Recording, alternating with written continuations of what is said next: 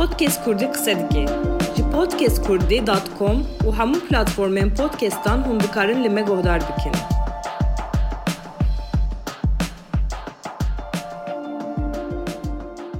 Ji paş hemd û salawatan ev çend kelîme ne ji lûgatan.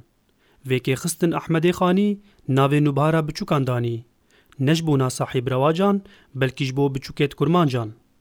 Her çi kesê ilmê qenc xwendiye, dewletger wî bi asil zaniye. Ger te divê tin ku beraber nebitin kes bi te ra, ilmê bixwîn, hem emelî tu bikesin ed ji xwe ra. Dembaş gudarên hêja ez Mevlût Oğuz.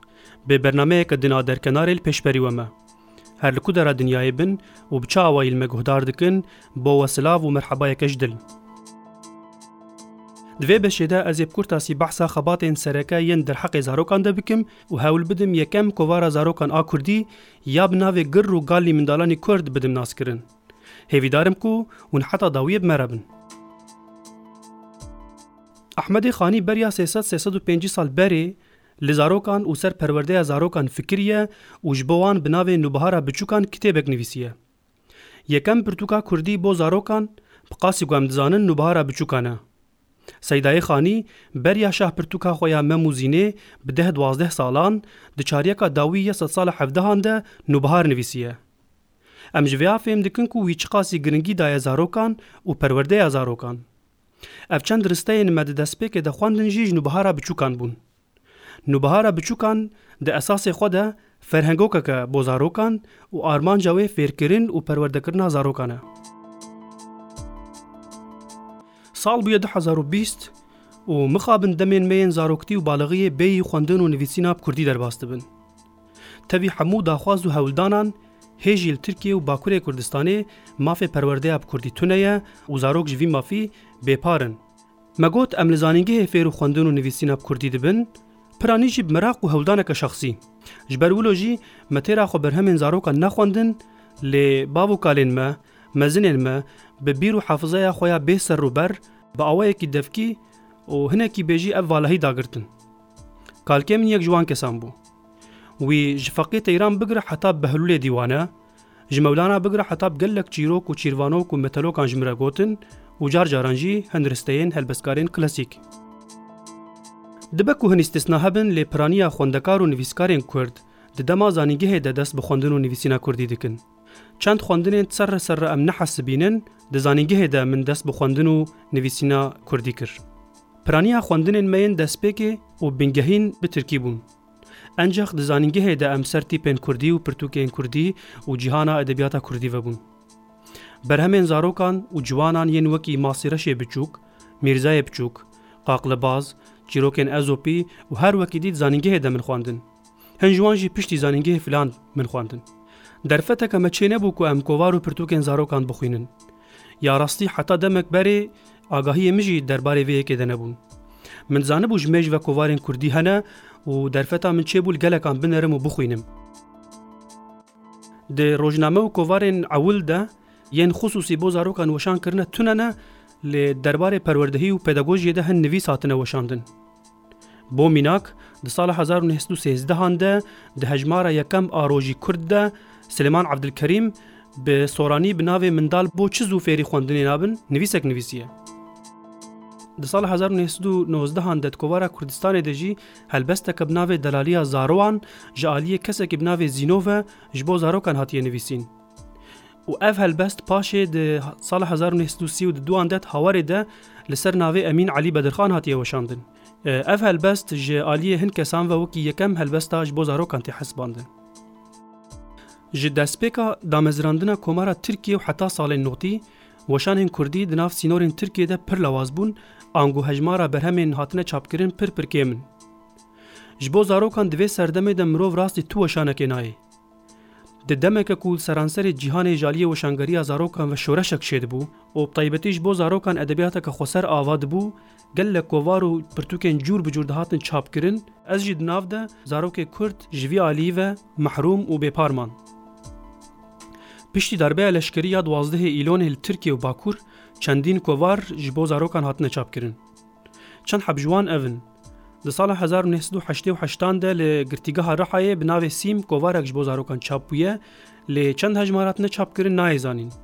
Di hezar û neh sed û nod û yekê de zarokê pêşeng û dengê şagirdan çap dibe. Piştre kovarên wekî Dergûş, Şemamok, Agirê Tûtê û Zarokên Rojê, Perperok, Boka Baranê û Veyveka Darênê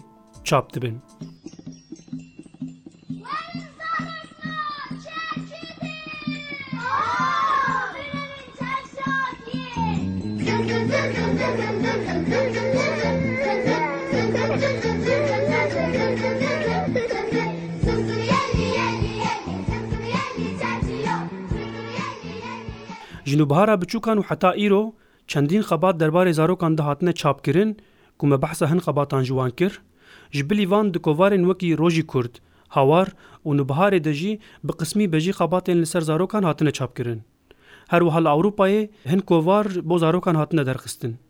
Kovara ku lîlkê di hezar û neh sed û heşteyî de û piştî wê hêvî, hêlîn, heval û kurdîlekan çap dibin. Li Herêma Kurdistanê herhal ji ber statuya xweser û hebûna perwerdeya bi kurdî zêdetir xebat hatine kirin. Di sala hezar û neh sed û heftê û du duan de Estêre, di heştê de Newroz çap dibe.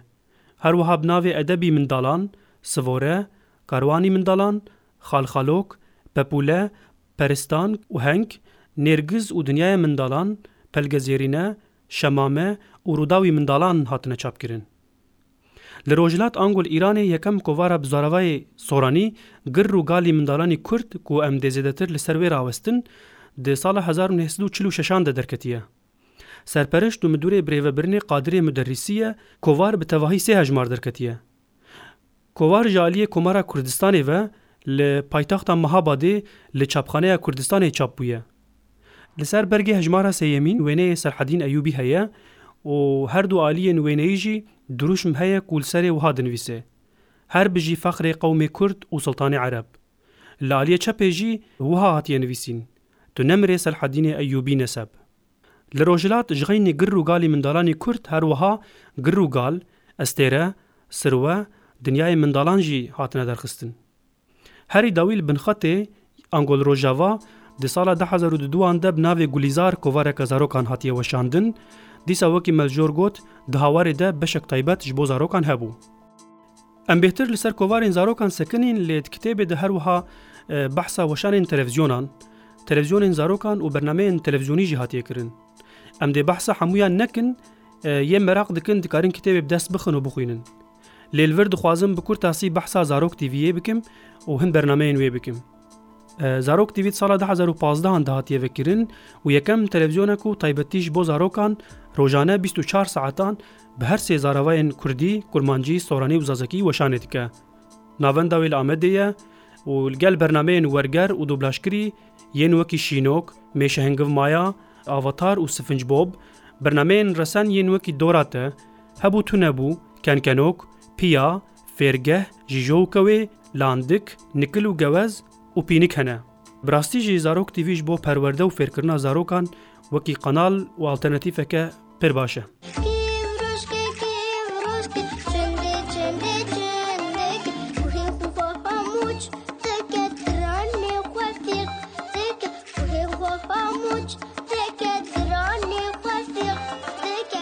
Bi navê Hêlîn di bin banê Weşanxaneya Avestayê de hin berhemên zarokan hatine çapkirin û ji bilî avestayê li weşanxaneyên cuda cuda tek tuk be jî hin berhemên zarokan hatine çapkirin. Halê hazir li Bakur du weşanxane hene ku tenê berhemên zarokan çap dikin. Weşanxaneya Hîvayê û Weşanxaneya Moriyê. Tevî hemû hewldan û xebatên hêja, eleqeyeke baş ji bo pirtûk û kovarên zarokan tine ye ango kêm e? Nivîskar û xwediyê Medya Kitabevî Selahattin Bulut jî di dîdarekê de barê dikişîne ser vê rastiyê û dibêje, Kitêbên herî kêm eleqa dîtine kitêbên zarokan in. Kitêbên zarokan hindik tên firotin, hindik tên kirîn, hindik tên pirsîn û hindik tên çapkirin. Yanî ev rewşa hanê dilê min diêşîne. Bi rastî ev zêdetirî bîst sal e ku ez li medya kîtebevî li benda însanan me ku rojekê bi destê zarokê xwe bigirin û werin li kîtabên zarokan bipirsin. Yekem kovara zarokan girr û galî mindalanî kurd li rojhilat derketiye û bi demê re li her çar parçeyan û li diasporayê jî gelek kovar û kovarokên bo zarokan çap bûne. Tevî ku di ser hejmara yekem a kovarê re heftê û çar sal derbas bûne, ev war hîn jî lawaz e, ango ne duê astê de ye gotê xwestin. Mirov dikare bêje ev lawazbûn jî ne ji ber lawazbûna dezgehên Kurdan e, lê ji ber rewşa siyasî ya welatî û bêstatûbûna Kurdan e. Sedema vê yekê, tunebûna mafê perwerdeya bi Kurdî ya di her astê de û bikarneanîna Kurdî di warên gelwarî ango public airayê de ye. Em vegerin ser pirtûkê. Pirtûka gir û galî mindalanî Kurd bi amadekariya Kenan Subaşi ku em wî wekî Kenanê Nado jî nas dikin, di sala du hezar û hejdehan de ji Weşanxaneya Nûbiharê derketiye. Kitêb ji du beşan û du pêvekan pêk tê. Di beşa ewil de têkiliya zarok û medyayê û kurtedîroka çapemenî û medyaya zarokan a Kurdî, seyra geşedanê û dîrokçeya medya û çapemeniya zarokan a Kurdî, beşa duyemîn de jî vekolîn û danesîna kovarê heye. Di pêveka pêşî de wergera kurmancî ya kovarê heye û di pêveka duyemîn de jî nûsxayên orjînal yên kovarê hene. Em ji pirtûkê hîn dibin ku kovara yekem a zarokan gir rûgalî mindalanî kurd e û kovar ji aliyê Partiya Demokrat a Kurdistanê ya li Îranê, PDK'iyê ve hatiye derxistin. Wekî ku tê zanîn, kadroyên vê partiyê di heman demê de damezrînerên Komara Mihabadê bûn jî. Serperişt û Midûrê Îdareyê yê Kovarê Qadirê Muderrîs e ku ev kovar xwerû bi zaravayê soranî ye û bi tevahî li ser hev sê hejmar derketiye. Her du hejmarê ewil ji bilî bergan ji duwazdeh rûpelan pêk tê û hejmara sêyemîn jî ji sêzdeh rûpelan. Kovar wekî me got ji aliyê Komara Kurdistanê ve li Mehabadê dê çapxaneya Kurdistanê de çap bûye Di bergê dawî yê hejmara yekem de armanc û mebesta derxistina kovarê wiha hatiye ravekirin, Ev kovar bi tenê ji bo ronîkirina mêjiyê xwendewar û zarokên Kurd e. Lewra hûndiriya fêrkirin û perwerdekirinê de ji me şarezatir in. Dema ku em berê xwe didin naveroka kovarê, em dibînin ku naverok zêdetir li ser perwerdekirina zarokan e ku ev yek xala sereke ya hemû kovarên zarokan yên wê demê ye. Naveroka kovarê yekreng û mekanîk nîne. Tê de mijarên cûr bi cûr hene. Yanî em dikarin bêjin ku kovar kovareke rengîn û bi kêf e. Mijar bi pir anî derbarê perwerdeyê de ne, lê ne tenê bi rêya nivîs û xwendinê, keza bi rêya pirs û bersivan, bi rêya lîstikên zarokan jî hewl hatiye dayîn ku zarok bêne perwerdekirin. Di kovarê de helbest, çîrok, dersên rêzimanê, erdnîgariya Kurdistanê, gotinên navdaran, werger û pêşbaziyên ji bo bihêzkirina hiş û aqilî di kovarê de weşiyane. Naveroka Kovarê bi dirûşma wê re li hevkirî ye. Mirov dikare bêje ku armanc û îdeaya sereke ya Kovarê şêrînkirin û xweşkirina dîn, netewe, welat, zanist û hunerê ye. Yek ji mijarên di Kovarê de jî danasîna Kurdistanê û welatperweriyê ye. Di hejmara yekemîn a Kovarê de nivîskar Wehabî Bilûryan di nivîsa xwe ya bi navê Kurdistan mala Kurd de danasîna xaka Kurdan dike û sînorê wê xêz dike. û belê dikişîne ser parçekirina Kurdistanê û wiha dibêje, Parçekirina Kurdistanê, belavkirin û qirkirina Kurdan cinayeteke mezin e ku di dîrokê de tiştekî nebîna ye. Kurdistan mala min e û nadim kesekî din. Û di berdewamiyê de jî dibêje, Ez li Kurdistanê jiyame û dijîm, divê ez her li Kurdistanê û di riya Kurdistanê de bimrim. Her wiha di hejmara sêyemîn a kovarê de jî nivîseke bi navê Hezkirina welat ji îmanê ye hatiye weşandin. Di hejmara yekemîn de sînorên Kurdistanê hatibûn xêzkirin û biriya pirs û bersivan hatibûn nîşandan. Di hejmara sêyemîn de jî danasîna çem û kahnî û rûbarên Kurdistanê hatiye kirin. Girîngiya zanist, huner û xwendinê û pêşketin û gihiştina asta cîhanî di van waran de jî keza civak û yekîtiya civakê, fêrkirina rê zimanê, hişyariya tenduristî û rewşenbîriyê jî hema bêje di her hejmarê de cî girtiye. Mesela di beşa Bo zanînê de ev agahî hatine dayîn. Dilê mirovî di bîst û çar saetan de sed hezar car lê dide. Di her lêdanekê de sed gram xwîn bi leza pêncî santîm fişar ji dil derdikeve. Yan jî wiha tê gotin, Stêrên gerende parçe parçe yên bi nûr in ku ronahiya xwe ji rojê werdigirin û li dora wê digerin. Wekî encam dikarim bêjim ku gir û galê mindalanî kurd yekem kovara zarokan a kurdî ye ku taybet ji bo zarokan û perwerdekirina zarokan hatiye derxistin û bi vê yekê cihê xwe yê zêrîn di kovargeriya kurdî de girtiye. Herî dawî dixwazim du sê hevokan ji hejmara sêyemîn bixwînim ku navê beşê wiha ye, Mebest ji fêrkirin û terbiyedanê çi ye? Ji bo mebesta eslî fêrkirin û terbiyedanê ew e ku zarokên roja me wisa fêr bibin ku mêjiyê wan bi zanisteke bêsûd tije bibe. Di beşeke din a heman nivîsê de jî behsa giringiya ezm û xebatê û wêrekiyê hatiye kirin. Heke hûn wan kesên ku di jiyana xwe de serfiraz bûne temaşe bikin, hûn ê bibînin ku îradeyeke bihêz, ezm û xebat, payedarî û cesaretê di jiyana wan de ew gihandine derekê. Godarên ezîz, berî ku ez dawî li vê beşê bînim, dixwazim çend berhemên li ser zarokan bînim bîra godarên me. Bernameyên Zarok TV'ê yên navborî, Di warê perwerdekirin û bikaranîna kurdî de derfeteke mezin in, ez wan pêşniyar dikim. Dîsa dixwazim behsa çend berhemên zarokan bikim, qet nebê navê wan hildim. Serê şevê çîrokek a Selîm Temo, antolojiya zarokan a Zinarê Xamo, helbestên zarokan Sîpan û Jînê, zarokên Bedirxanim Konê Reş, Mîro û hevalên wî ya Min Bawer, Lorînname ya Sidîq Gorîcan, Daweta Nîko û Nîskê û Zozan û Gernas ya Çetoyê zê do û hemû berhemên Weşanxaneya Hîva û Moriyê û Rêza Hêlînê ya Avestayê ji bo zarokan xebatên baş in ku ez wan pêşniyar dikim wan bikirin, bixwînin û bidin xwendin. Yên li Stenbolê ne dikarin bi destê zarokên xwe bigirin û biçin Medya Kitabevî, ango li kîjan bajarî bin dikarin biçin pirtûkfiroşekî û berhemeke zarokan bo zarokên xwe bikirin, bixwînin, û bidin xwendin.